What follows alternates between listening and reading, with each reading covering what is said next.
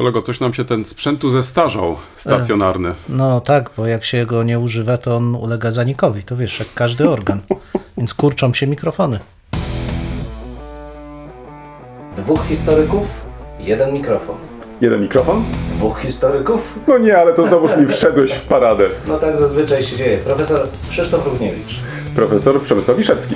Próbujemy nagrywać to, co nas ciekawi, to, co nas kręci, ale zawsze w kontekście historii. No niestety, takie już mamy, że tylko o historii, chociaż czy zawsze na poważnie? No nie zawsze, a przede wszystkim historia to cały świat. To nie tylko to, co minęło, ale też to, co jest teraz. Chcemy pokazać, że w historii można poznawać się w różny sposób. Zdecydowanie w różny sposób i nawet można się nią bawić. Państwo wszyscy widzą, że się uśmiechamy, więc my się też bawimy nieźle. Bardzo dobrze. Dwóch Liczymy historyków, jeden mikrofon. Jeden mikrofon? Dwóch historyków. Miło kolegę widać. czekaj, czekaj, jeszcze raz, jeszcze raz. Miło kolegę widzieć po tylu tygodniach niewidzenia. A może inaczej. Nie, ja cię widziałem, tylko w, w tym razem, proszę państwa, w, mm, w końcu nagrywamy w, stacjonarnie. Nie na odległość. Już się bałem, że kolega powie, że miło kolegę poczuć, ale naprawdę, ja naprawdę czyste rzeczy, wszystko jest w porządku. Poczuć. Widzimy się i jest bardzo No zaraz, zaraz. O to bym cię nie zapytał. O to bym cię nie zapytał. Nawet tego wie? bym też nie stwierdził. Kto to wie? Mm, wiesz co? zmienia. Wiesz, co powiedziało moje dziecko, jak przyjechałem i y, To, to co ty tu robisz?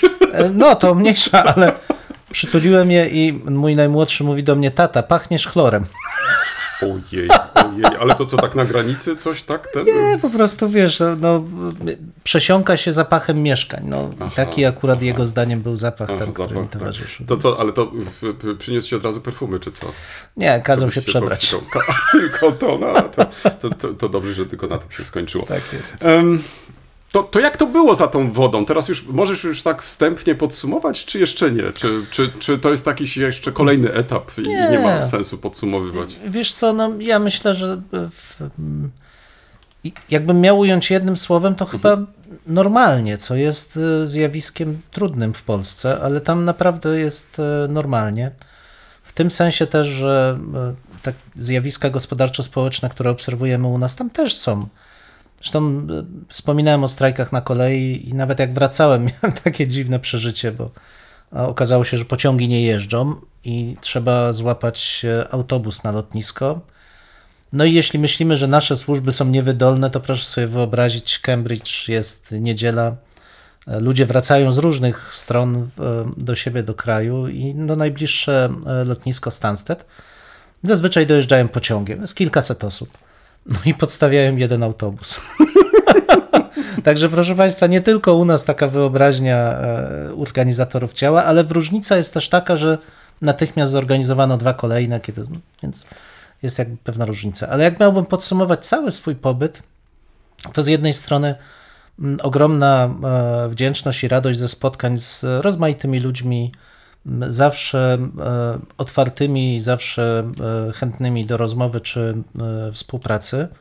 Bardzo fajne spotkania naukowe, no ale przede wszystkim infrastruktura naukowa, czyli w moim przypadku biblioteka, zapewne w przypadku nauk ścisłych czy eksperymentalnych byłyby to odpowiednie laboratoria.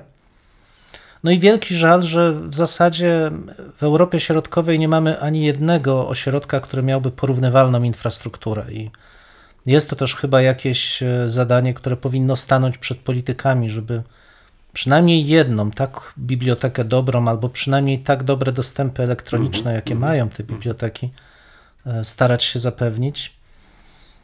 Mm, No i tyle. No, w, chętnie oczywiście tam wrócę, bo e, je, jest, jest do czego, ale no, moje serce jest jednak w domu. Także cieszę się z powrotu. Ja też się bardzo cieszę, proszę Państwa, bo te nasze odcinki faktycznie będziemy nagrywać e, regularnie, chociaż tutaj od razu chyba jestem winien dwa usprawiedliwienia. Chociaż może jedno usprawiedliwienie, jedne, jedne przeprosiny, o może tak. Usprawiedliwienie, bo w, w, nie nagraliśmy, jak być może część z Państwa zauważyła, część może nawet o tym nie wie. E, Faktycznie przez tydzień nie nagrywaliśmy, ale to było związane z. Po prostu nie najlepiej się czuła. Poza tym byłem często w różnego rodzaju rozjazdach i jakoś tak pozbierać myśli było trudno. Tak więc y, ostatecznie przekonałem kolegę, że może jednak odłożymy nagrywanie odcinka do, do jego powrotu. No i, i, i, i, to jest pierwsze, pierwsze takie usprawiedliwienie. Drugie natomiast, e, druga sprawa to, to są przeprosiny. Nie wiem, co ja nagadałem podczas ostatniego odcinka, ale jeden z naszych słuchaczy zwrócił mi, i chyba miał rację, uwagę, że, że, że coś, coś w tym moim komentowaniu to, to poszedłem za daleko, więc e, jeżeli poczuł się urażony, albo ktoś z Państwa poczuł się urażony, to oczywiście przepraszam, bo to nie wcale nie było moim zamiarem. Natomiast e, faktem jest, że konkurs został rozstrzygnięty. A dzisiaj będzie kolejny konkurs, tak więc e, proszę nie wyłączać w tym momencie e, w mm, naszej audycji, w naszej rozmowy, tylko słuchać e, dalej. To, to może tyle z mojej strony. A, jeszcze pozostaje nam ostatnia sprawa. Kiedy będziemy nagrywać, lub też inaczej, kiedy będziemy imitować nasze odcinki, bo Skoro już wróciłeś, e, znasz swoje zajęcia, ja też, no to chyba będziemy musieli się zastanowić i podamy może następnym razem. Tak jest, to już jak myślę. na spokojnie ochłoniesz, tak e, zrzucić z siebie te wszystkie chlory takie czy owakie, no i, i, i już tak e, przejdziesz do, do, tej, do tej prozy życia uniwersyteckiej. Nigdy no w życiu, nie, nie, nie naprawdę, nie, nie, nie, nie, nie, przechodzimy nie. do prozy życia. No dobrze, nie, ma, no, tak, nie ma takiej opcji. Czy, nie, okej, okay, no, to, no dobrze, to ja, to, to ja wracam w takim razie. Nie ma, proszę Państwa, w naszym przypadku takiej opcji. Nie ma takiej opcji. E, faktem jednak jest, że będziemy chcieli e, dalej nagrywać w miarę regularnie nasze odcinki, tak że nie chcemy Państwa rozczarować. I będziecie mogli Państwo, w zależności od mm, czasu, który będziecie mieli, albo słuchać na bieżąco, albo ewentualnie sobie inaczej zaplanować. Odsłuch. A tak przy okazji, wiesz, jak jechałem teraz te tysiące kilometrów, bo, bo tak się złożyło, że jeździłem po, po Niemczech. To nie jest nic nowego, ale, ale faktycznie tym razem robiłem jakieś straszne odległości. Wysłuchałem chyba wszystkich podcastów, które miałem w kolejce. Wiesz, to jest jednak naprawdę fajna sprawa, jak możesz e, posłuchać e, sobie na, na, spokojnie jadąc e, te podcasty, które zawsze chciałeś posłuchać, ale nie zawsze miałeś na to czas lub też ewentualnie robiłeś to tak właśnie z przerwami. Także Bardzo to, dobrze, na pewno sprawa. dzisiaj podzielisz się z nami. Nie, nie, nie, nie, nie podzielę się, nie podzielę się, nie podzielę się, ponieważ powiesz, że jestem monotematyczny i w ogóle wszyscy powiedzą, że jestem monotematyczny, więc nie chcę zanudzać, krótko mówiąc. i opornik. No, no dobrze. Um, Nowinki i starowinki, kolego. Nowinki, starowinki, właśnie się zastanawiałem, jak zawsze mam z tym ogromny problem, tak, no, ale pomyślałem przez sobie... Odrę i już znalazł. Tak. Trochę tak było właśnie. ale zastanawiałem się na marginesie jednej e, z książek, którą, e, którą czytałem.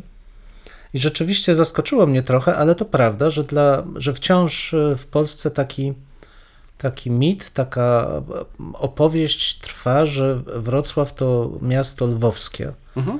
E, natomiast realia są takie, że lwowianie stanowili ułamek, tam około 10%. Tak, to niewielki procent. Niewielki procent. Zdecydowana większość e, osadników, którzy dodajmy falami tutaj docierali, mhm. nie, nie było to tak, że przyjechały pociągi z repatriantami i zaludniły tak Wrocław. Zwanymi. Tak zwanymi, tak. Choć ja jestem przywiązany, zresztą zaraz powiem dlaczego do, do tego określenia. Broń się, broń. Będę się bronił, ale e, e, był to długi proces, także dlatego, że Wrocław e, był przez długi okres zamieszkiwany jeszcze przez mieszkańców niemieckiego pochodzenia. No, poza tym był bardzo zrujnowany, więc nie, trudno było nawet osadzić tutaj większe grupy ludności.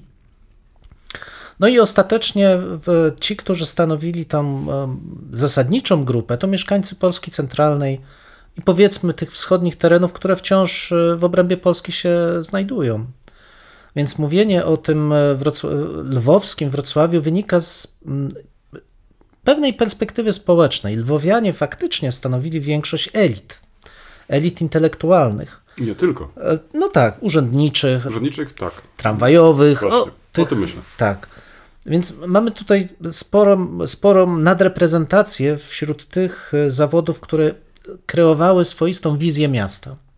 Odbiór też tego miasta. No bo faktycznie, jak człowiek przyjeżdżał do miasta i motorniczy z tym specyficznym zaśpiewem go witali, no to w pamięci to pozostawało bardziej niż to, że wokół ludzie mówią mniej lub bardziej podobnymi gwarami jak w środkowej Polsce. Ta nadreprezentacja to także obecność zdecydowanej większości profesorów na uniwersytecie i politechnice, potem e, szkołach, które e, wywodziły się z e, tych dwóch uczelni, głównie z uniwersytetu. i którzy faktycznie z Lwowa pochodzili i oni też kreowali wizję wśród tych, których kształcili.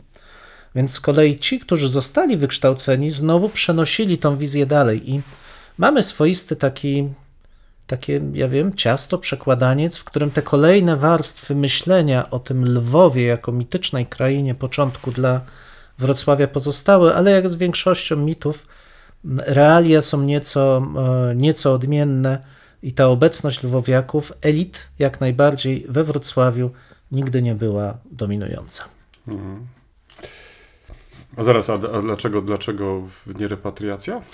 Kolega zaprotestował, żeby, żeby nie repatriacja, ja mówię, że jestem przywiązany do słowa repatriacja, bo mm, wyobraźmy sobie tych ludzi, którzy w pewnym momencie na kresach mają do wyboru dwie rzeczy. Albo e, zostać i być pod e, rządami e, Związku Radzieckiego, Sowietów, jakkolwiek byśmy to nazwali, a mają cały czas w pamięci, jak wyglądała sytuacja po 17 września, czym się skończyło, wywózki, prześladowania itd. Tak a z drugiej strony mogą wrócić do kraju, który będzie się nazywał Polską i w którym będą mogli posługiwać się swoim językiem. To dla mnie trochę jest repatriacja. Nie w tym sensie, że wracają na ziemię ojczyste, no bo to jest osobna dyskusja, jak traktujemy ten Śląsk i ziemie północne, ale w tym sensie, że cały czas będą w ojczyźnie. Ja wiem, że repatriacja to jest powrót do ojczyzny. Oni nigdy nie powracają do ojczyzny, bo oni w tej ojczyźnie byli. Ale jest w tym też e, takie określenie, bym powiedział, dość czułe. To znaczy, że ci ludzie faktycznie dano im szansę być w ojczyźnie, że, że traktowano ich jako obywateli, pomimo że umówmy się, równie dobrze mogli zostać tymi niewolnikami mm. Związku Radzieckiego mm. cały czas. Pewnie ma tutaj ogromną rolę sama polityka Stalina, narodowościowa, rozdzielanie, mhm. ale wiemy też dobrze, że on równie chętnie przesiedlał na Sybir po to, żeby tworzyć republiki odpowiednich narodowości no tam. w Związku Radzieckiego, tak. No tak, na, na stepy gdzieś. Mhm. Więc ten powrót, czy możliwość pozostania, może tak, nie powrotu, ale pozostania w Polsce no uważam, że jest wielką rzeczą i w, dla mnie ta repatriacja to jest raczej patriacja, możliwość pozostania cały czas w ojczyźnie? No wiesz, to znaczy, ja, ja nie wiem, czy, czy, czy akurat musimy się tutaj spierać teraz mhm. Y, nadużywaniem takiego czy innego określenia. Generalnie przyjęło się tak mówić o nich jako o przesiedleńcach, no tak. przynajmniej dla tego okresu. Mhm. Y, faktem natomiast jest, że, że, że to, to, to pojęcie zostało w, w, wykorzystane przez, przez ówczesną propagandę. Tak. To prawda. To i, I, z kolei w odróżnieniu dla, dla tego pojęcia lat 40., gdzie mówimy tak zwana repatriacja, mhm. e, używamy faktycznie dla powrotów Polaków mhm. ze Związku Radzieckiego w drugiej połowie lat 50. już tego określenia repatriacja właściwego. Ale właśnie, to wiesz... No, no powiem tak, no w chwili, kiedy to było wszystko mhm. płynne, wiesz, tak. kiedy były, zapadały te decyzje, no to tutaj myślę, że można też... E, dużo racji, mhm. E, dużo racji oddać takim czy innym określeniom. Ale faktem jest, że przesiedleńcy jest neutralne tak, i tu tak, się w pełni tak, zgadzam. Tak, tutaj tak. w tym sensie tak. tak. Mhm. Poza tym mnie się wydaje, że już niezależnie od tego, jakich pojęć używamy, powinniśmy je w miarę konsekwentnie tak używać jest. i ta dowolność, którą czasami spotykamy też w różnego rodzaju publikacjach czy wypowiedziach, po prostu irytuje. Mhm. No, I, i to tak, się. jak wiesz, byś nie bardzo wiedział, o czym mówisz. Natomiast nie, dlatego wyciągnąłem cię trochę, jak ty mhm. to mhm. rozumiesz, bo, bo w, w, myślę, że bez większych problemów jesteś w stanie to uzasadnić i, i, to dla wszystkich będzie wtedy oczywiste, jasne, lub też ewentualnie zastanowią się, czy jednak mhm. nie można byłoby także mhm. z takiego punktu widzenia jeszcze raz się na tym zastanowić. Natomiast jeżeli ktoś robi to tak, wiesz, mimochodnie, mhm. bez, bez jakiegoś e, przemyślenia, no to właśnie takie później są skutki, a nie inne. Twoja teraz. A, tak, teraz moja. Tak. I teraz y, tu nie wiem, czy nie e, trochę zaskoczę Ciebie i Państwa, ponieważ w ostatnich dniach miałem bardzo ciekawą rozmowę, bardzo długą rozmowę. Zresztą w, w, ta rozmowa ukaże się drukiem. I tam w trakcie tej rozmowy e, pojawił się problem mm, żyjących jeszcze ofiar III Rzeszy w Polsce. I muszę Ci powiedzieć, że jest to temat, który e, jest bardzo ciekawym tematem, bo to, to, to się już pojawiło w kontekście tej pseudodebaty o reparacjach. Nazywam to pseudodebatą, bo praktycznie ta debata w Polsce się nie odbyła. To były takie Tak właśnie jest. bicie piany, takie czy owakie lub też żądania. Natomiast e, nie zastanowiono się równocześnie, z jaką grupą tak naprawdę mamy jeszcze do czynienia. To znaczy, ile jest jeszcze tych osób, które mogłyby uzyskać takie czy inne świadczenia. No i co ciekawe, tutaj, e, jeśli chodzi o październik 2023 roku, to udało mi się mm, uzyskać mm, takie dane, że Jest jeszcze około 50 tysięcy takich osób, to znaczy, które z różnych tytułów mogłyby wystąpić z roszczeniami. Tak? E, Wśród e, tej grupy masz od e, mm, 1200 do 1300 byłych więźniów obozów koncentracyjnych. Mówimy jeszcze naturalnie o żyjących, więc zwróć uwagę, tyle lat po II wojnie światowej, z jak małą liczbą mamy do czynienia. To jeszcze raz przypomnę, 1200-1300 osób. Dalej, nieco większą, czyli dwukrotnie, od 20 do 25 tysięcy to są byli robotnicy przymusowi III Rzeszy. Zatrudnieni, czy w rolnictwie, czy w przemyśle. No i co może warto też podkreślić, że e, resztę tych osób, czyli około 50% tej ogólnej liczby, no to stanowią te osoby, które nie są zaliczane do tych kategorii ofiar e, nazistowskich e, prześladowań. Przy czym to trzeba podkreślić, to znaczy e, tą grupę nie objęto tymi świadczeniami z roku 91 i lat 2000. A o jakie grupy chodzi, czy też o jakie grupy osób chodzi? Tutaj mm, chodzi przede wszystkim o takie ofiary o szczególnym statusie moralnym, jak na przykład powstańcy warszawscy. Tutaj bardzo ciekawe są szacunki. W Warszawie około 500, w Polsce około 100, czyli poza sto- stolicą i około 100 poza e, granicą, czyli mamy do czynienia z około no, 700 do 1000 osób, którzy e, w, uczestniczyli w walkach powstania warszawskiego. No i mm, co może warto y, też podkreślić, to naturalnie w, w, w większość tych osób, czy, czy znaczna liczba tych osób jest skupiona w Stowarzyszeniu Polaków Poszkodowanych przez III Rzeszę i do dzisiaj ta organizacja skupia mm, ponad 12 tysięcy członków. Czyli gdyby miał to podsumować, to nawet w kontekście e, ewentualnych rozmów polsko-niemieckich, w kontekście w, w- wypłaty mm, różnego rodzaju świadczeń dla ofiar III Rzeszy, to nie mówimy tutaj o nie wiadomo jak dużych e, liczbach.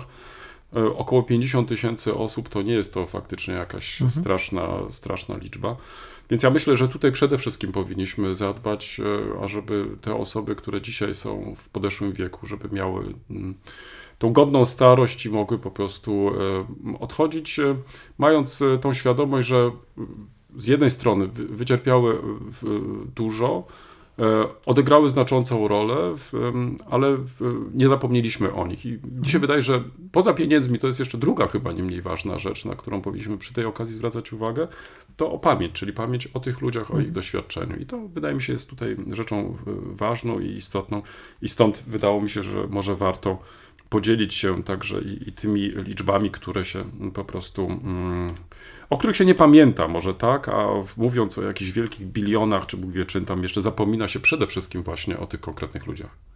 Może dlatego, że pamięta się bardziej o państwie niż o ludziach. A tutaj bardzo słusznie zwróciłeś uwagę, że w tym przypadku najważniejsi są ludzie. Wiesz, i ta, ja i tak uważam, że to, to jest duża liczba w w stosunku do tego, co Mm. się spodziewałem. W końcu od końca II wojny światowej minęło prawie 80 lat. Tak, tak. To jest ogrom czasu. To są ludzie, którzy mają minimum 80 kilka lat, jeśli byli dziećmi, 100 lat, jeśli byli w- nastolatkami, dwudziestolatkami.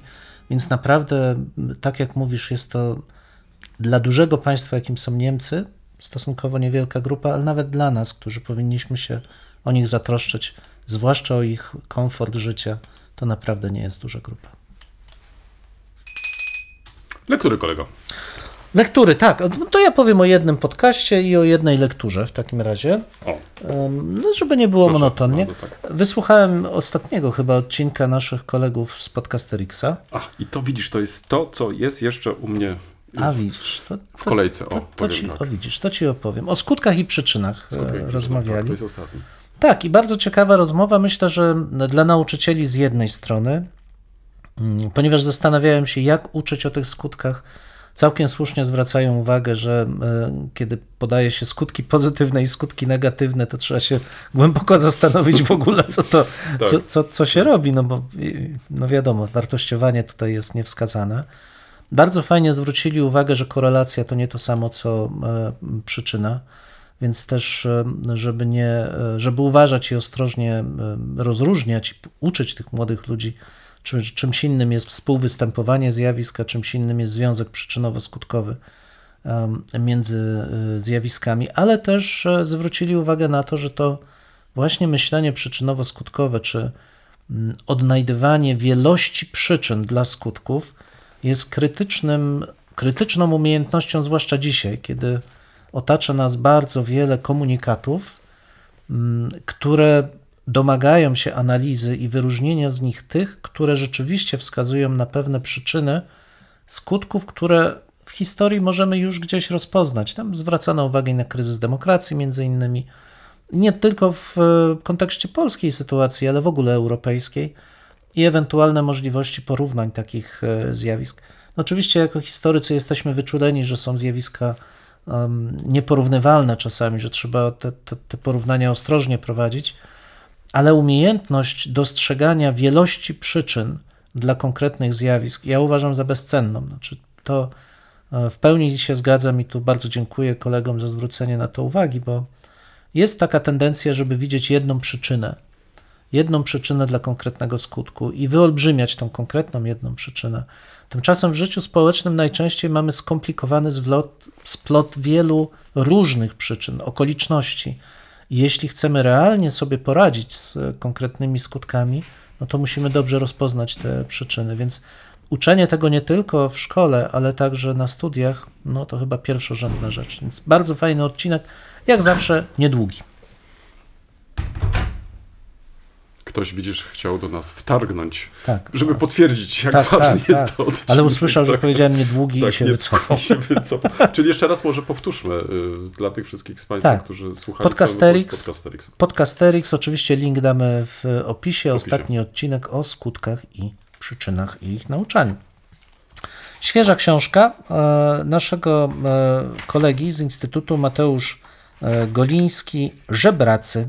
Ale wbrew pozorom to nie jest o żebrakach, tylko o XV-wiecznym bractwu żołnierskim i jego historiograficznych kreacjach, gdzie rzeczywiście e, opisuje tutaj w, na podstawie bogatej literatury, e, źródeł e, historycznych funkcjonowanie hmm, grup żołnierzy, którzy no, trudnili się w XV wieku, właściwie w drugiej połowie XV wieku w no, jakimś skutkiem em, przemian politycznych, militarnych, jakie następowały w e, ówczesnym e, świecie Europy Środkowej, gdzie coraz większą rolę odgrywały wojska zaciężne, coraz mniejszą rolę tradycyjne, e, tradycyjne armie i przedstawia jedno z takich, jedną z takich grup i sposób, w jaki no, późniejsza historiografia opisywała ich działalność.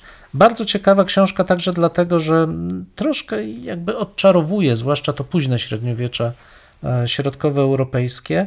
Trochę brakuje mi porównań czy odniesień do sytuacji w Europie Zachodniej, które autor czuje, bo wspomina i o włoskich kondotierach, i o sytuacji w ogóle funkcjonowania armii zaciężnych w ówczesnej e, Europie. Mm, No ale jak to e, profesor Goliński jest skupiony na źródłach e, e, i literaturze, bardzo ciekawa lektura dla wszystkich tych, którzy interesują się no nie tylko historią militarną, ale też funkcjonowaniem, przemianami kulturowo-cywilizacyjnymi Europy Środkowej. A więc Mateusz Goliński, Żebracy, XV-wieczne Bractwo Żołnierskie i jego historiograficzne kreacje Kraków 2023. Link oczywiście w opisie. I tyle z mojej strony na dzisiaj. Właśnie ukazał się najnowszy numer dialogu mm, czasopisma e, polsko-niemieckiego, który w, w dużej części jest poświęcony bohaterowi, którego świetnie znamy, mianowicie Wiesławowi Smętkowi. Brawo! E, I popatrz, nawet się pojawił na okładce ze swoimi okładkami. To jest kapitalny projekt, naprawdę. To znaczy, to, to jakbyś obraz w obrazie miał, wiesz, masz obraz i jeszcze do tego dodatkowe obrazy. No ale tu naturalnie nie należy się dziwić, I tytuł, który wybrano dla, dla tego wydania, Obserwator naszego świata, Wiesław Smentek, bardzo mi się podoba. Znajdziesz tutaj ciekawe, e, ciekawe teksty o naszym bohaterze. E, wprowadza nas do jego biografii, zresztą bardzo ciekawie, Adam Gusowski. E, jego esej pod tytułem Wiesław Smentek, człowiek jest najważniejszy no, jest, e, można powiedzieć, takim hołdem dla, dla, dla niego samego, to znaczy nie Gusowskiego, tylko dla Smętka e, i jego pracy, bo w, w, autorowi świetnie udało się pokazać no właściwie to, tą drogę, bardzo trudną drogę często emigranta, który to dzięki swojej pracy, dzięki też rodzinie, bo, bo tutaj od razu trzeba powiedzieć, że ten, ten wątek rodzinny również pięknie wybrzmiewa, to znaczy wielokrotnie podkreśla w, w Wiesław Smentek, że, że e, nie byłby tym, kim stał się, gdyby właśnie nie to wsparcie ogromne rodziny. I e, te kolejne etapy w jego karierze no, są przez e, Adama Gusowskiego świetnie nakreślone. E, takim uzupełnieniem, e, nie mniej ciekawym, e, jest wywiad z Wiesławem Smętkiem, który przeprowadził redaktor czasopisma Bazyl Kerski pod tytułem Odkąd pamiętam, interesował mnie zastygły w bezruchu świat obrazów. I tutaj, mm, o ile Mm, ten pierwszy tekst miał taki charakter eseistyczny, dla której ta rozmowa jeszcze uzupełnia o kolejne jakieś wątki biograficzne, zwłaszcza e, dowiadujemy się więcej o fascynacjach samego, samego mistrza i pędzla i, i ołówka, tak, byśmy to tak może nazwali. I, I trzeba przyznać, że te fascynacje to są zarówno, jeśli chodzi o polskich autorów, ale także, i zagranicznych, i którzy odegrali grali faktycznie w jego biografii, tej artystycznej, ogromną, ogromną rolę. A wszystko to naturalnie pięknie zilustrowane, e, zilustrowane zdjęciami e, Piotra Mordela. No, nie ukrywam, że jest to naprawdę świetna, świetna lektura i taka, która jeszcze raz pokazuje, jak e, rzadko może zwracamy uwagę na tak ciekawe postacie, to znaczy takie, które uzyskały sukces dzięki swojej pracy, dzięki swoim, swoim zdolnościom, Um, I o takich powinniśmy coraz częściej chyba pisać, albo więcej pisać, bo y, tutaj w, w, tych tekstach faktycznie pojawia się nam konkretny człowiek, ale też taki człowiek, który to wcale od samego początku nie było zapisane, że on osiągnie sukces, ale on ten sukces osiągnął i on się po prostu też tym sukcesem dzieli. Oczywiście e, w tym e, numerze znajdziesz, znajdą Państwo jeszcze inne teksty, e, nie mniej ciekawe, ale pomyślałem z racji tego, że kolega ma też szczególny stosunek tak, do tak, tak. Wiesława Smętka, Bardzo. więc pomyślałem sobie, że może zwrócę przede wszystkim na te dwa teksty uwagę, a dodam tylko, że mm, za kilka, no właściwie za dwa tygodnie Wiesław Smętek otrzyma e, za swoje e, swój wkład w relacje polsko-niemieckie, w, w, w, relacje polsko-niemieckie otrzyma prestiżową nagrodę e, dialogu. Być może część z Państwa zechce także uczestniczyć w tej uroczystości. Myślę, że to będzie kapitalna uczta. Tym bardziej, że będzie to połączone też z wystawą, która będzie taką próbą pokazania takich, można powiedzieć, e, najciekawszych prac Wiesława Smętka, także mogę tylko polecić. To jeśli chodzi o pierwszą lekturę, to proszę bardzo, koledze już e, przekażę, bo podejrzewam, że nie miał okazji tam w tym Cambridge, mimo w, w tak świetnie wyposażonej biblioteki. E, dialog nie doszedł. Jeszcze Dialog chyba, nie, chyba jeszcze nie doszedł, tak, tak. w znaczy- opracowaniu Tak, tak, w opracowaniu, a poza tym to jest też i tak, że to nie jest już Unia Europejska, więc być może ta poczta jednak nie funkcjonuje tak, jak może w przeszłości. I drugi taki może kompleks tematów, e, czy też e, spraw, które, które mi się zainteresowałem w ostatnim czasie, to, to sprawy dotyczące e, Śląska. Okazją było w seminarium, w którym wziąłem ostatnio udział. Tym razem w Muzeum Górnośląskim w Ratingen odbyła się bardzo ciekawa konferencja dla młodych badaczy zajmujących się generalnie historią Śląska. To miejsce nie zostało wybrane przypadkowo, ponieważ w muzeum w, dotyczące Górnego Śląska oczywiście stworzyło nam taką kapitalną ramę dla tego, ale przecież takich muzeów zajmujących się Śląskiem w Niemczech jest więcej, jak na przykład w, w Königswinter, w którym zresztą byliśmy jakiś czas temu. Muzeum Śląskie, ale także jest przecież i znane nam wszystkim Muzeum Śląskie w, w Gerlitz. Także e, zwłaszcza ta ostatnia instytucja wraz z Muzeum Górnośląskim, mm, to właśnie te obie instytucje były organizatorami tego właśnie spotkania. Tak przy okazji to chciałbym generalnie zachęcić młode badaczki, młodych badaczy do zainteresowania się e, tym właśnie formatem e, mm, udziału w, w dyskusji, w, w konferencji.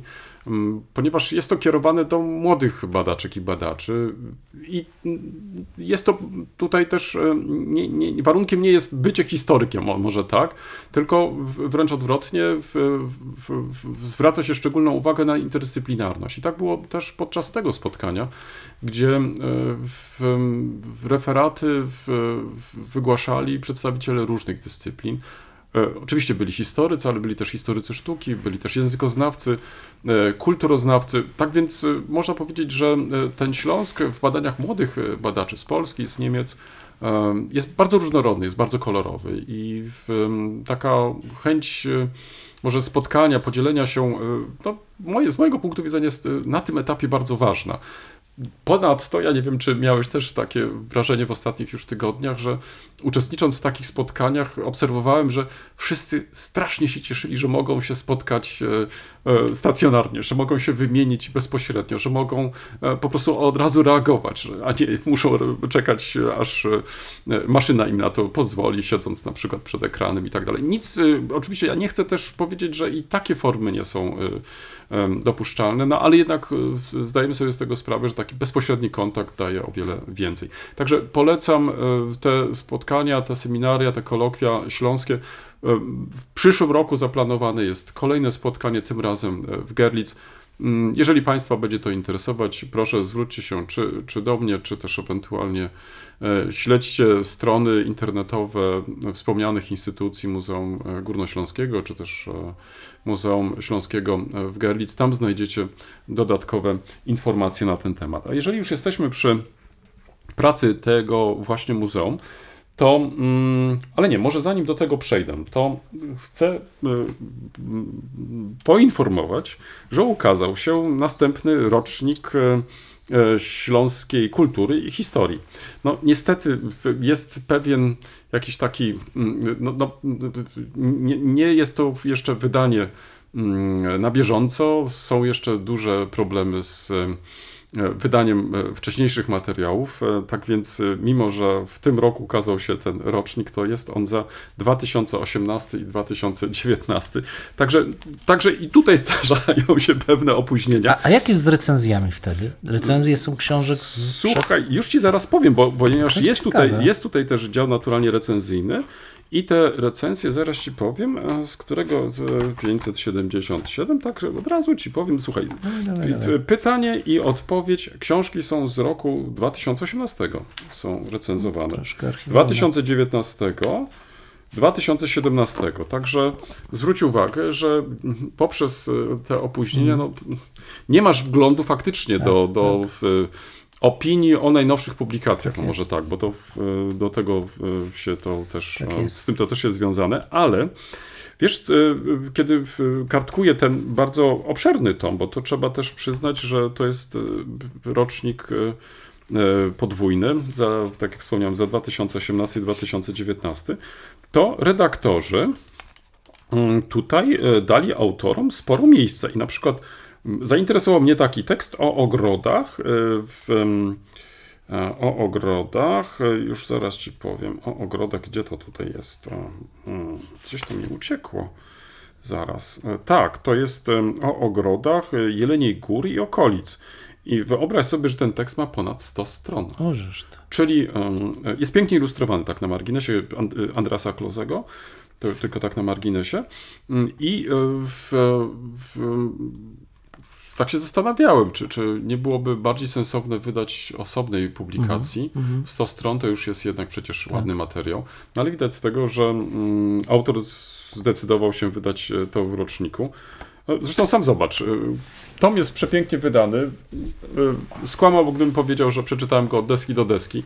Raczej poglądałem sobie w, w obrazki, to, to nie ulega wątpliwości, ale mm, powiem Ci w ten sposób, że jest to bardzo ciekawy tom i na pewno przeczytam taki czy inny artykuł. Być może w przyszłości się też e, podzielę e, moimi wrażeniami. No ale Chciałem tylko e, tym samym powiedzieć, że, że, że ten rocznik ukazuje się dalej, to znaczy, bo być może ci z Państwa, którzy, którzy od czasu do czasu sięgali po ten rocznik, byli być może zaniepokojeni, że trzeba też powiedzieć przy okazji, że mm, inne roczniki, jak na przykład rocznik Uniwersytetu Wrocławskiego i tak dalej, i tak dalej, przestały wychodzić. Tak, ten jest dalej kontynuowany i można faktycznie. A to nie jest sięgnąć. kontynuacja właśnie e, Jahrbuch der Wiesz to, być może tak, być może to jest właśnie kontynuacja. Mhm, tak i to jest jakaś taka próba być może połączenia tych Tak, różnych tak, roczników tak, tak. w jeden, e, co wydaje mi się chyba słuszne, Mhm, bo e, w- jest to przecież związane jednak e, z kosztami. Ja już nie mówię o autorach, Tak. e, ale też i z kosztami i e, tak jak wspomniałem, to co mnie zaskoczyło, że redakcja zezwoliła na obszerne teksty, to znaczy, że to Mhm. nie tak jak e, my jesteśmy przyzwyczajeni, że Ach, góra 20 20 stron, stron. więcej, w, to już później mamy do czynienia z redaktorami, tutaj się w, mm, Trzeba tłumaczyć. Tak, tak, lub też jesteś konfrontowany z tym, że redaktor ci tnie ten tekst, bo już sam poddajesz się. A tutaj faktycznie udało się te bardziej obszerne teksty umieścić, co wydaje mi się też jest korzyścią dla e, czytelnika, bo jest to taka pełniejsza e, wypowiedź. Poza tym, jak sam widzisz, jest ten rocznik pięknie wydany, to myślę też warto przy okazji podkreślić. Kiedy byłem w Muzeum Górnośląskim, wprawdzie nie obejrzałem sobie tych wystaw, których katalogi mam tutaj przed oczyma, ale same katalogi wydały mi się bardzo ciekawe i dlatego postanowiłem je ze sobą zabrać. I jeden zestaw katalogów przekażę mojemu koledze, może go zainteresują. Pierwsza to jest, e, to jest katalog wystawy dotyczący e, szkoły generalnie na Śląsku e, i uczęszczania do szkoły. Mm, I, po, i taki ładny podtytuł jest e, Dzieciństwo i młodość e, na Śląsku. Także są to kapitalne wspomnienia, relacje, ale także i bardzo ciekawe przedmioty, które były związane z uczeniem się, tak więc to może zainteresować również naszych e, nauczycieli. Inny katalog, który mógłby zwrócić Twoją uwagę, a moją zwrócił, to są historie pałacowe Szlachta na Śląsku. O, bardzo ładnie. I faktycznie jest to mm, publikacja, e, na którą warto zwrócić uwagę, bo oprócz tego, że jest pięknie wydana, to jest także i mm, bogata w różnego rodzaju ilustracje. I to jest co podoba mi się przy tego rodzaju em, publikacjach, to właśnie zadają sobie kuratorzy wyszukanie takich ilustracji, które faktycznie są e, nowe, ciekawe. Może e, mniej Cię zainteresuje, ale kto wie, e, jest też i trzeci katalog, który postanowiłem koledze tutaj sprezentować. To jest węzeł kolei żelaznej Jaworzyna Śląska, przyczynki do historii komunikacji na Śląsku. No, pomyślałem sobie, że tutaj tych obrazków też jest dużo, a ponieważ on ostatnio jakieś takie opaszcze, pasłe tomiszcza czytał, więc może od czasu do czasu, jak sobie obrazki pooglądam, to Bardzo może dziękuję. będzie dla niego też nie mniej ciekawe i interesujące. Jaworzynę Śląską zwłaszcza, bo fajne muzeum tam jest. To... I teraz, proszę Państwa, mam e, dla Państwa te trzy katalogi i w, możecie Państwo te katalogi otrzymać, e, mogę je przesłać. Hmm, może dobrze byłoby to połączyć z jakimś, jakimś podchwytliwym pytaniem, co o tym sądzisz? E, Przychodzi Ci jakieś podchwytliwe pytanie, tak e, spontanicznie? Em, Nie wiem, to szczerze mówiąc, skupiłem O, się na już wiem, wiesz co, to może e, tak. Kiedy utworzono Muzeum Górnośląskie w Ratingen? O proszę, proszę bardzo. Tak? Tak, Nie, myślę, że, ładnie, No, tak. myślę, że Nie jest tak. to trudne pytanie. Tak, i, i w, jakie są może preferencje osób odpowiadających, to znaczy, który z tych katalogów chciałyby O, otrzymać? tak I jest. może dodajmy, że w, w, jedna osoba, jeden katalog. Tak, i katalogi są pięknie wydane, O, śliczne powiedz dwa, trzy zdania, bo państwa. Mhm. tu chodzi o to, żebyś jeszcze dodatkowo y, zachęcił do Tak. wzięcia udziału. Co więcej, konkursie. proszę Państwa, katalogi e, dotyczące e, szlachty na Śląsku i węzła kolei żelaznej są niemiecko- i polskojęzyczne. Więc jeżeli ktoś się obawia, to e, starcia z językiem Goethego, to proszę się nie obawiać. Piękne ilustracje, a jednocześnie Dwujęzyczne dwujęzyczne katalogi. Naprawdę. Węzeł kolei żelaznych przepiękny, proszę Państwa. Ja uwielbiam. Piękne mapy, piękne zdjęcia. Także tylko, y, także tylko ten katalog dotyczący szkoły, Schaukelpferd, Tak, tak, tak. y, Jest e, und. Zinssoldaten, Ale czyli za to jakie koń na, zdjęcie. koń na biegunach i Tak. żołnierzyki Cynowi, cyno- cynowi tak, tak, żołnierzyki. tak. Cynowe żołnierzyki, bardzo, Tak, bardzo tak, ładne tak. zdjęcia, proszę Państwa. Młodość, Kindheit Tak. Jugend, dzieciństwo i młodość na Śląsku. Młodość Tak, na no ale Śląsku. e, sam przyznasz, że bardzo ciekawe ilustracje. Tak, bardzo ciekawe i kolorowe. Nie, naprawdę dużo, wysokiej klasy e, katalogi. Nie są też bardzo obszerne, co też jest ważne, żeby się jednak tego. I nie na koniec, jeśli pozwolisz, e, to e, chciałbym zwrócić na dwie wystawy czasowe, które obecnie są pokazywane w muzeum, a które, muszę Ci powiedzieć, bardzo mi się spodobały. Pierwsza, która tak trochę nawiązuje do tego, o czym Ty mówiłeś, mianowicie mm, Norbert Kozioł udostępnił swoje e, zbiory, zresztą bardzo ciekawe, do wystawy, którą zatytułowano. I tutaj mm, podam może najpierw po, po niemiecku. Dem Regiment zu R, dem Vaterland zu Wehr. Preußische Regimenta in der Provinz Schlesien i tutaj padają daty 1871, 1913 zwischen Militarismus und Alltagsleben eine Ausstellung aus der Sammlung von Norbert Kozioł i w tłumaczeniu za honor pułku, za obronę ojczyzny, pruskie pułki prowincji śląskiej 1871-1914 między militaryzmem a codziennością i tutaj wystawa ze zbiorów Norberta Kozioła. Generalnie powiem tak, że nie jestem jakimś e, wielkim e, fanem militaryzmu jako takiego, ale wystawa, którą obejrzałem, bardzo mnie zainteresowała, bo tutaj e, nie tylko znalazły się różne mundury takich czy innych jednostek, które stacjonowały na Śląsku, ale e, zrobiono coś więcej. To znaczy pokazano, jaką rolę odgrywało wojsko w życiu mieszkańców e, Śląska. I to jest coś naprawdę frapującego. Uzmysłowienie sobie, jak ważne były te garnizony, które funkcjonowały, jak ważne też były te jednostki, które stacjonowały tutaj, jak wyglądało życie codzienne. To znaczy, jak sporo miejscowości Dolnego Śląska po prostu była zależna od tego, czy w danej miejscowości funkcjonował garnizon, e, czy też po prostu nie. I, i to był taki jeden wątek, który mnie szczególnie zainteresował na tej wystawie. Muszę powiedzieć, że e, bardzo też byłem pod wrażeniem e, pewnej konsekwencji samego kolekcjonera, bo w, na tej wystawie przedstawiono ponad 700 eksponatów, tak więc to wiesz, to nie były tylko plansze, to znaczy to nie były też jakieś e, multimedia, tylko faktycznie mogłeś zobaczyć prawdziwe eksponaty i w, podziwiać faktycznie em, też jakość wykonania tych em, eksponatów, e, które się zachowały. Ale co na przykład mnie zainteresowało, to jeszcze inny wątek, czyli e, ta sprawa upamiętnienia, to znaczy jaka była pamięć e, zarówno o tych osobach, które służyły w tych jednostkach, także różne takie tablo, wiesz, i tak dalej, i tak dalej, ale też jaka była pamięć w społecznościach tych właśnie, gdzie stacjonowały te, te garnizony, więc to było dla mnie bardzo e, ciekawe. I jeszcze taka jedna rzecz i taka naszła mnie refleksja, że dobrze się stało, że mamy do czynienia z taką prywatną kolekcją. I tutaj o tej konsekwencji wspomniałem e, kolekcjonera, ale ja nie przypominam sobie muzeum e, tutaj tej części w naszego regionu, które byłoby poświęcone tylko właśnie tym jednostkom wojskowym. Ja oczywiście potrafię to zrozumieć, to jest związane z, mm, u- nazwę to może tak, z dziejami Prus, y, y, y, w, także w, pewnie i o militaryzmie niewiele chcieliśmy w, też wiedzieć i słyszeć, ale mnie się wydaje, że może mówiłeś coś o normalności, może w, ta wystawa powinna stać się takim może mm, punktem wyjścia do takiej debaty, czy, czy, czy nie jest najwyższy czas, żeby e, w chwili, kiedy zajmujemy się historią Śląska, ja myślę tutaj już o obu częściach Śląska, zarówno dolnego, jak i górnego, no to przecież trudno sobie wyobrazić tą historię bez uwzględnienia historii wojskowości, czy też jednostek wojskowych, które na tym Śląsku mhm. stacjonowały i odgrywały przecież w historii Śląsku mhm. ogromną rolę.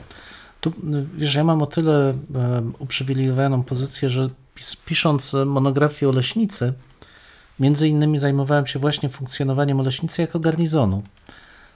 I w, warto sobie uświadomić to z jednej strony przejście między wcześniejszymi epokami i XIX wiekiem, kiedy powstają koszary, bo wcześniej oczywiście żołnierze w miastach hmm. też stacjonowali, ale uwaga, stacjonowali w prywatnych domach.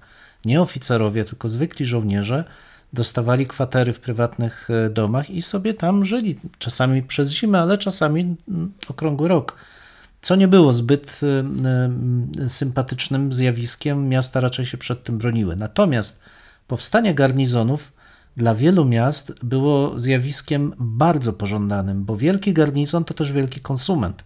To jest motor dla funkcjonowania tych miast w momencie, kiedy one tracą swoje mm, pałace, swoich książąt, kiedy tracą charakter miast rezydencjonalnych. Oleśnica pozostała miastem rezydencjonalnym, ale w ograniczonym znaczeniu nie pełniła funkcji wielkiego ośrodka administracyjnego jak Legnica czy Wrocław. I wówczas te garnizony to, to było coś, co charakteryzowało, z czym się ludzie też identyfikowali. I to były nasze pułki. To byli nasi jegrowie, to byli nasi, e, e, nasi ułani.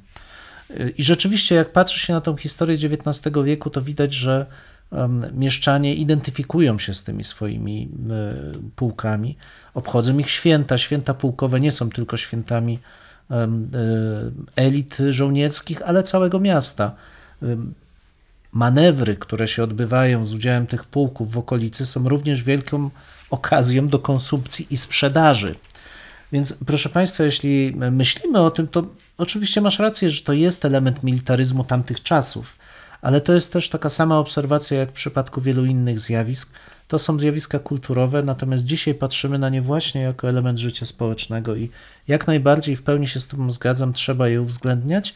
Czasami są uwzględniane, jeśli ktoś będzie na zamku w Oleśnicy, tam są elementy tej wystawy poświęcone między innymi e, Między Czy też jak jesteś w siedzibach tych e, szlacheckich większych, na przykład mhm. Krzyżowa jest takim tak. bardzo dobrym przykładem, ale tam z kolei w, poza miejscem i zaznaczeniem roli znaczenia w, mhm. w starego feldmarszałka Helmuta von Moltke, to brak jest e, tych oryginalnych przedmiotów, tak. takich, mhm. które w, mhm. no, były taką częścią tego życia mhm. E, w, w żołnierza, oficera, czy generała, czy nawet mhm. feldmarszałka. Więc ta wystawa faktycznie jest taką próbą pokazania takiej części historii Śląska, która w, wielokrotnie ze względów politycznych na przykład była spychana gdzieś tam na tak. margines tak. i mhm. E, która nie była uwzględniona. Ale tak jak słusznie powiedziałeś, że w dziejach przecież poszczególnych miejscowości te garnizony mhm. odgrywały ogromną rolę.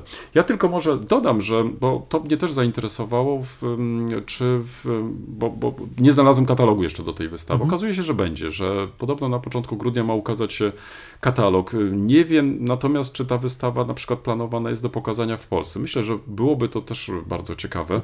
W każdym razie e, tylko chcę e, powiedzieć, e, że tej, tej wystawie, bardzo ciekawej, wystawie czasowej, będzie towarzyszyć katalog. Ja tylko może dla porządku przytoczę, kto jest autorem tej, tej wystawy. Kuratorami, w, i tutaj są wymienieni, Zbigniew Gołasz, Norbert Kozioł i dr Sebastian Rosenbaum, ale także w, w, jeśli chodzi o stronę naukową, to wsparli tą wystawę także czy wsparły inne osoby, jak dr Grzegorz Bębnik, Mariusz, Mariusz Hirschfeld, e, dr Frank Moyer i Dawid, dr Dawid Skrabania. Tak więc ci z Państwa, którzy być może będą mieli okazję i możliwość, e, okazję być w Ratingen, możliwość obejrzenia tej wystawy, to, to gorąco polecam, bo jest to faktycznie bardzo ciekawa wystawa. A być może, trzymajmy kciuki, może faktycznie w przyszłości także i ta wystawa będzie pokazywana w Polsce, więc być może będziemy mogli też im poinformować o tej polskiej też prezentacji, tak więc, um, czy też odsłonie. No, byłbym też bardzo ciekaw, jak, jak, jak e, u nas ta wystawa zostałaby e, przyjęta. No, na szczęście mam nadzieję, że czasy się u nas trochę zmieniają i będziemy mogli z takim trochę większym dystansem spoglądać na to, co, co, co nazywaliśmy pruskim militaryzmem i tak dalej, i tak dalej. A tutaj, wiesz, jeszcze ta, jedno zdanie może do tej wystawy. Nie miałem takiego wrażenia, żeby ta wystawa epatowała właśnie tym takim pruskim militaryzmem, a wręcz odwrotnie była taką, właśnie tak jak słusznie zaznaczyłeś, em, w, w, stanowiła i stanowi część historii kultury. I mm, ta część, która no, niestety jakoś tak nie zawsze jest uwzględniana o powodach, o których, z powodów, o których wcześniej e, wspomnieliśmy.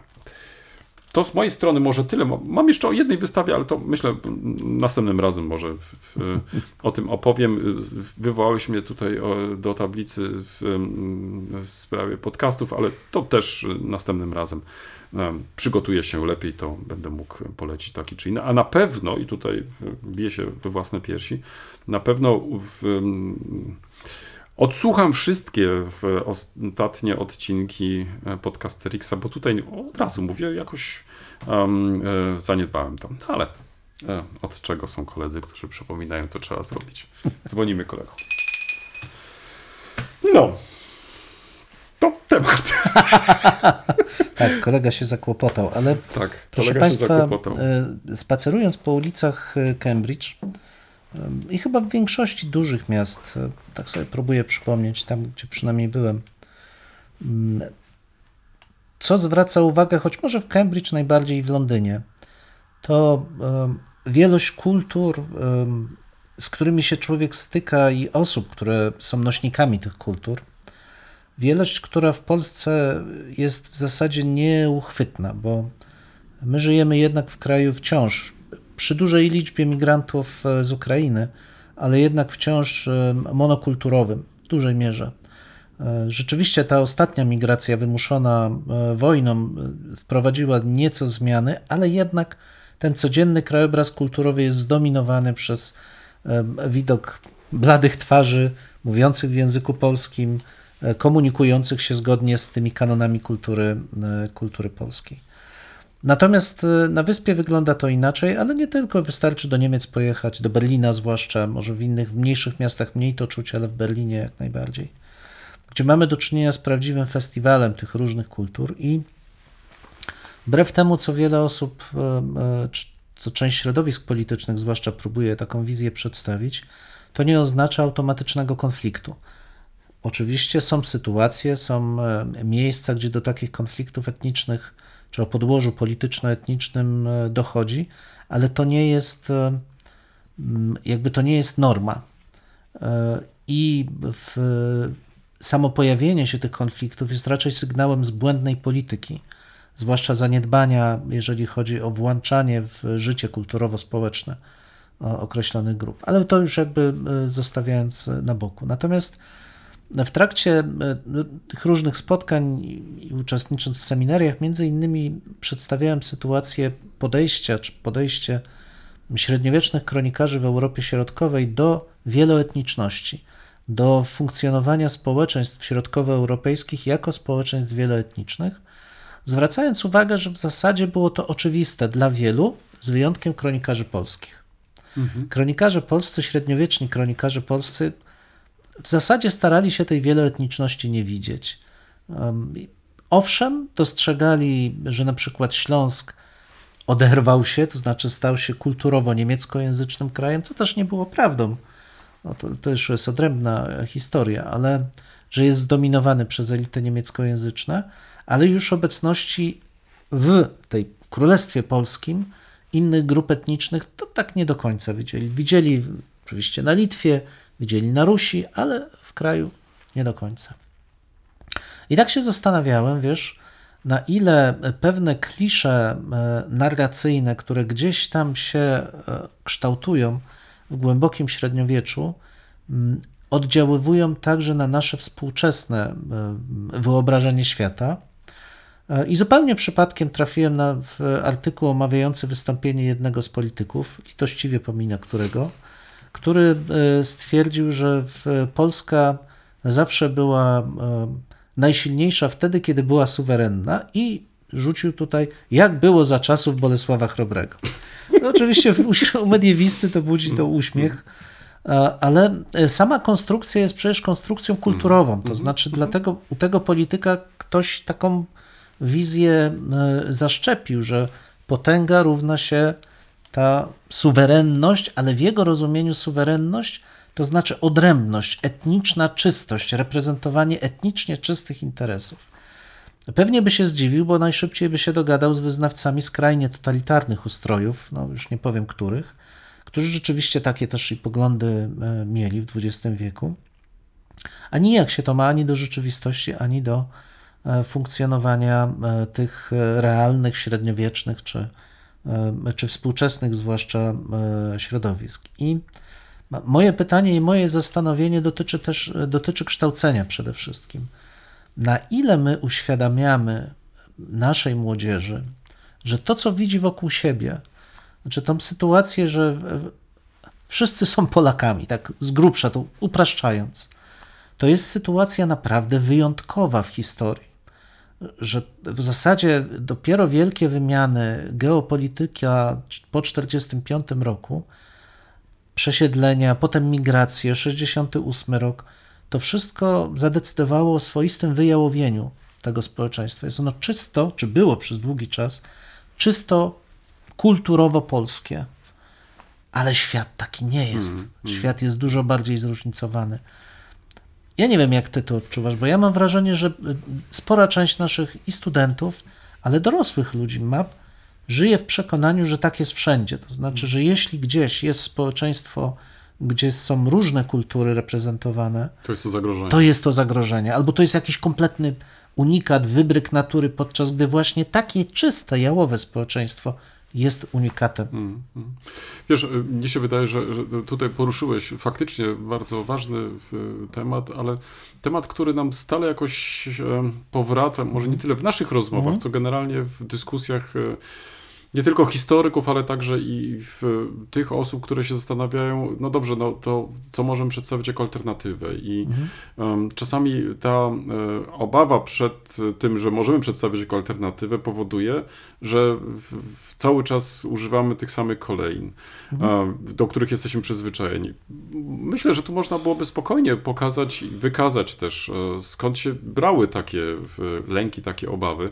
Tutaj nie musimy sięgać do średniowiecza, bo tutaj jesteś mhm. specjalistą, ale przecież e, wystarczy sięgnąć do XIX wieku i wykazać na przykładzie XIX wieku od tradycji powstań, e, mhm. w, że tak naprawdę to, to, to obrona polskości to była, jeżeli tak to można było określić, albo inaczej, e, obrona bycia to była obrona polskości, jeżeli chcieliśmy się w jakiś sposób definiować na nowo lub też ewentualnie nawiązywać do przeszłości i tak dalej. I to mnie się wydaje, że jeszcze bardziej zostało wzmocnione w, po I wojnie światowej. Znaczy, z jednej strony to zachłyśnięcie wolnością, że w końcu jesteśmy wolni, choć z drugiej strony świadomość, że jesteśmy państwem wielonarodowym, czyli nawiązującym trochę schedą do, do tych wcześniejszych e, epok. Ale mimo to, przecież zwróć uwagę, także i wtedy zaczyna się pojawiać ta bardzo mocna tendencja, żeby od graniczać, żeby mhm. faktycznie definiować się w, w, w opozycji do, do, innych, bo, bo, bo, bo właśnie chcemy być tymi, tym państwem mocarstwowym, chcemy być tymi lepszymi, innych traktujemy bardziej w, właśnie w sposób kolonialny, jako coś mhm. gorszego i tak dalej. E, no i druga wojna światowa wydaje mi się, że pogłębiła dodatkowo jeszcze te kwestie. To znaczy znów musieliśmy walczyć, e, walczyć o bycie w, jako naród, bo przecież żadnych innych określeń my wtedy nie znaliśmy. Takie, które pozwalałyby nam w jakiś sposób e, mm, inaczej jeszcze spojrzeć na, na, na, na tą walkę. I zwróć uwagę, że w centrum tak naprawdę to byli Polacy, mniej obywatele polscy. To mhm. znaczy, to dzisiaj staramy się mówić e, coraz częściej, jeżeli chcemy upamiętniać ofiary, to myślimy o, nie tylko o tych rdzennych Polakach, jeżeli byśmy. Mhm. Wiesz, te określenia w ogóle wydają mi się bardzo, bardzo jakieś dziwne, wiesz, no, no o rdzennych Polakach. Etnicznie etniczny, albo etnicznie polski, ale co to znaczy etnicznie polski? Roman wiesz? Dmowski się kłania. No na przykład, prawda? Czyli popatrz, używamy tych starych określeń, dla nadania nowego, nowego znaczenia, ale dochodzimy do pewnych granic, to znaczy nie potrafimy się tak naprawdę wyzwolić z tych właśnie określeń. Dlatego mnie się wydaje, że to, czego potrzebujemy dzisiaj zwłaszcza, to takiego ogromnego namysłu, to znaczy jak e, my chcemy się definiować e, w, jako, teraz bardzo świadomie to mówię, mieszkańcy polscy, Polski, mieszkańcy polscy, więc to jest obojętne, Polacy, Niemcy, Bóg wie kto tam jeszcze, Ukraińcy, i jaki mamy pomysł na, na, na to bycie tu i mhm. teraz, wiesz? E, I teraz, czy historia może być dla nas jakąś pomocą, jakimś punktem odniesienia? Ja ostatnio przeczytałem, że mamy jednego kolegę, który pisze chyba już kolejny tom swojej historii Polski. E, wydał nawet szósty chyba teraz e, tom tej historii, która obejmuje lata, tam chyba 20 albo 30 lat. Znaczy, nie chcę, nie, chcę, nie chcę być też źle zrozumiany, to znaczy to, to, to dobrze się coś takiego dzieje, ale ja się cały czas zastanawiam, um, no dobrze, poza satysfakcją samego autora, który pisze taką historię Polski, to, to jaki to ma sens? To znaczy, w, jakim kierunku my chcemy zmierzać mhm. i e, do czego jest mi potrzebna ta dwudziestotomowa, bo pewnie na tyle jest zakrojona ta, ta, ta, ta cała seria tych, tych wydawnictw, e, te 20 tomów, to znaczy, co ja chcę się dowiedzieć jeszcze mhm. o czymś, czego na przykład jeszcze nie wiem, lub też e, coś, co inni próbują na nas może wymusić, że mamy tak, a nie inaczej patrzeć. Teraz myślę o tym twoim polityku, który tak bardzo łatwo, bez żadnego zająknięcia od razu mhm. stworzył sobie tą kontynuację e, od czasów współczesnych aż po średniowiecze. No świetnie, no i co z tego? I co z mhm. tego wynika? I teraz, co to oznacza dla nas jako dla obywateli e, tego, tego właśnie państwa i funkcjonowania jednak w tym środowisku e, wielonarodowym, no i tu się z Tobą całkowicie zgadzam. Na ile szkoła w, w, Polsce jest po prostu przygotowana na tego rodzaju wyzwania. I teraz, żeby nie mówić, że, że takich prób nie podejmowano, bo przecież i w tym zakresie podejmowano pewne próby, bo chciano nie tylko odejść od tego polonocentrycznego sposobu mhm. postrzegania historii. Wprowadzono e, to postrzeganie problemowe. Mnie się wydaje, że mm, to było tak to, to, takie, to była taka alternatywna propozycja, jak ewentualnie wyjść z tego zaklętego e, kręgu. Ale ponieważ te, te, czy szkoła, czy nawet nasze programy w, w, w, na studiach ulegają stałym zmianom i to wcale nie oznacza na mhm. lepsze, więc trudno nawet skupić się na, na, na, na, pewnym sposobie pokazywania historii i o nim dyskutować, bo za chwilę kolejna zmiana wchodzi. Mamy wszystko jeszcze raz wywrócić do góry nogami. No już sam później nie wiesz, a w końcu na czymś tutaj ma się skoncentrować. Wiesz? I chyba ostatnia rzecz, która jest dla mnie nie mniej ważna, czy ty nie masz też takiego wrażenia, że my tak naprawdę na ten temat nie dyskutujemy? To mhm. znaczy, nie wiem, czy to jest może związane z naszym lenistwem, że, że wolimy się jednak obracać w starych y, pojęciach, w starych określeniach, zdefiniowanych dawno już i tak dalej, a nie szukamy faktycznie nawet na zasadzie pewnego takiego wyzwania też myślowego. No dobrze, no ale to, to może spróbujmy zaproponować coś innego. I na przykład mi się wydaje, że w takich kategoriach można byłoby rozpatrywać um, tą modę historii ludowych, jako też pewnej alternatywy dla tej historii takiej, bym powiedział, e, narodowej, znanej, Oczywiście wielokrotnie też zastanawialiśmy się na tym, na ile to jest nowatorskie i tak dalej, i tak dalej, ale sama próba mhm. pokazania, słuchajcie, była też i taka historia. Zwróćmy także mhm. i na taką historię uwagę. Wydaje mi się tutaj e, dobrą drogą. Pytanie tylko, jakie będą tego później skutki, to znaczy, czy to się przełoży na przykład na e, nowe pisanie podręczników, czy w tych podstawach programowych znajdą się na przykład takie treści, które faktycznie będą odpowiadały wyzwaniom, przed którymi stoimy. No wiesz, ja pamiętam, jak pisałem podręcznik do liceum razem z kolegą e, z historii, e, zajmując średniowieczą oczywiście. I tam staraliśmy się szeroko e, przedstawić historię średniowiecza afrykańskiego, zupełnie nieznanego.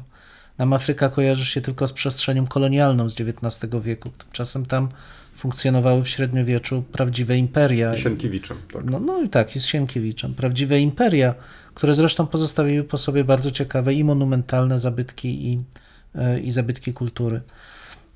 I w, wtedy ta książka była rzeczywiście, e, ta część polska była e, świadomie zupełnie wpleciona w historię powszechną, tak zwaną.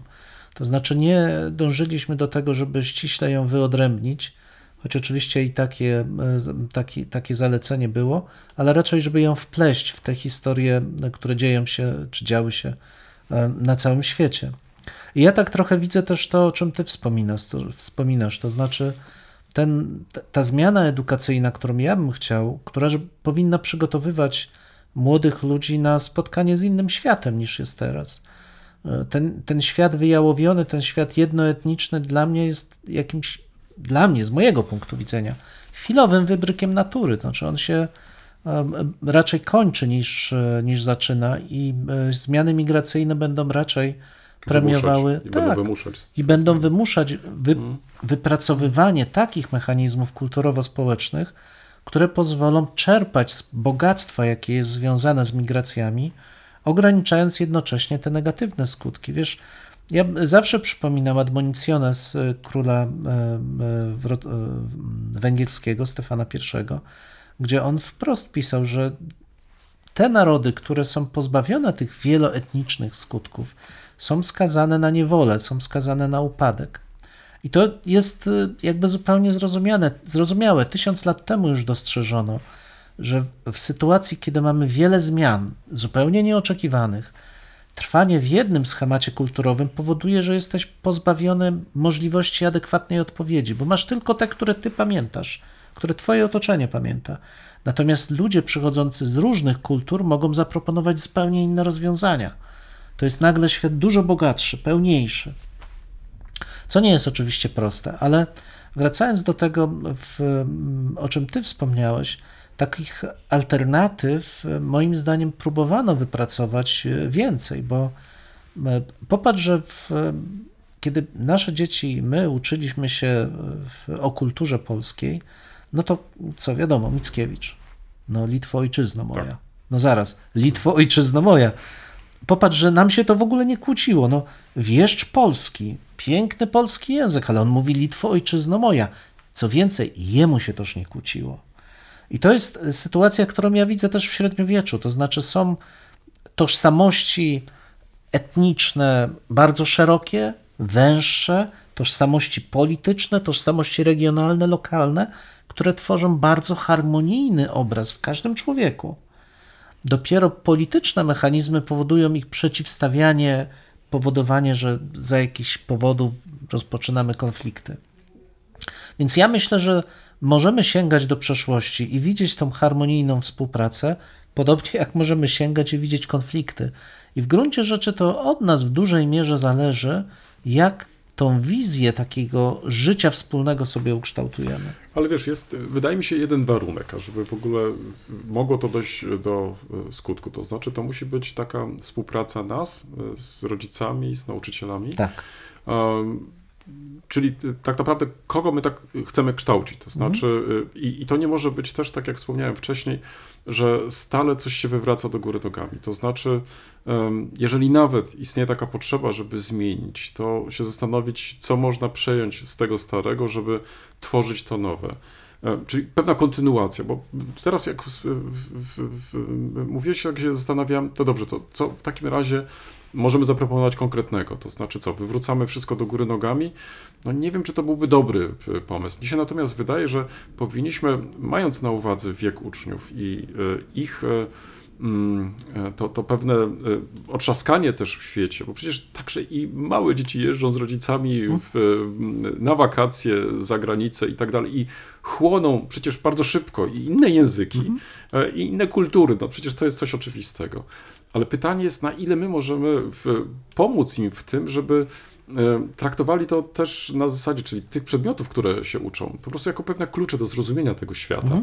I gdyby to zrobić, e, mając na uwadze cały cykl kształcenia, po studia wręcz, to przecież można to kapitalnie dawkować, mając właśnie na uwadze te różnice, czyli e, może warto byłoby się faktycznie zastanowić nad tym, czy nie, nie stworzyć nawet takiego pilotażowego programu, mhm. po to, żeby się przekonać, na ile faktycznie może to zadziałać, na ile to może być przekonujące, ale właśnie właśnie ten warunek y, wydaje mi się jak najbardziej y, wyjściowy, to znaczy, żeby dyskutować o tym, to znaczy, żeby się zderzać, wiesz, y, a nie, że ktoś nam narzuca, że ktoś po prostu uważa, że tylko jedna historia, jedna wizja jest po prostu obowiązująca, a pozostałe y, nie wchodzą w ogóle w rachubę, bo, bo co, bo tracimy suwerenność, bo y, staniemy się jakąś, nie wiem, Prowincją e, prowincją tak, Berlina, albo no, e, słuchaj, jest kilku takich polityków, którzy e, wręcz celuje w tego rodzaju określeniach.